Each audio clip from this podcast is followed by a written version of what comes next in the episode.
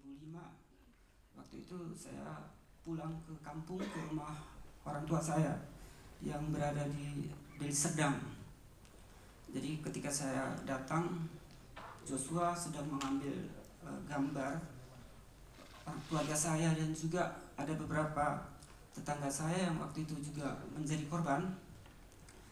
Dan Joshua ini sangat uh, ramah.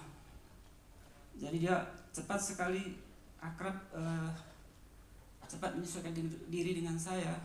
Dan dia mengungkap mengungkapkan bahwa dia akan membuat uh, sebuah film cerita uh, tentang keluarga korban.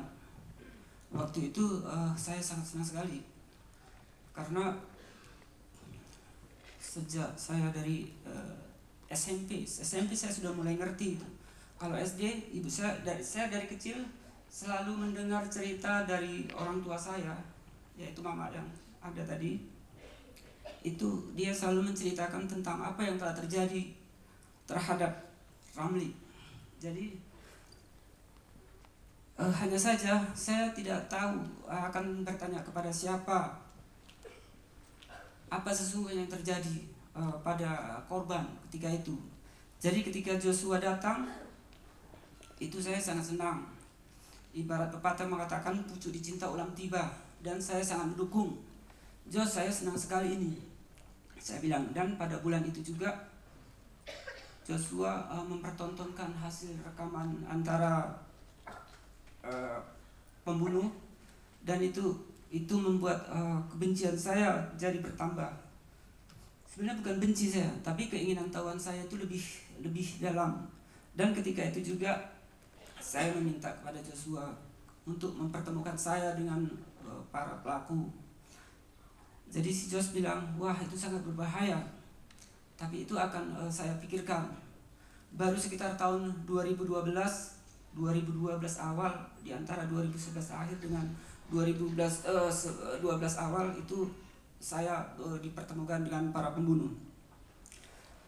Jadi adapun uh, keinginan saya dengan film ini agar bisa menambah untuk memberi uh, pengetahuan kepada orang lain apa sesungguhnya yang terjadi pada peristiwa kelam tersebut. Karena ini kan sepertinya persoalan ini ya kalau para pembunuh atau para pelaku itu mengatakan itu sudah bagian dari masa lalu yang lalu biarlah berlalu. Katanya seperti itu mereka bilang. Tapi itu tidak. Karena stigma yang ada itu sampai sekarang itu masih ada di sekolah anak saya juga anak-anak kita semua itu masih mendapat pendidikan tentang stigma negatif yang sangat buruk tentang uh, para korban. Jadi saya ingin ke depan anak saya juga anak-anak semuanya tidak lagi mendapatkan cerita tentang stigma negatif tentang korban 65. Itu tujuan utama saya.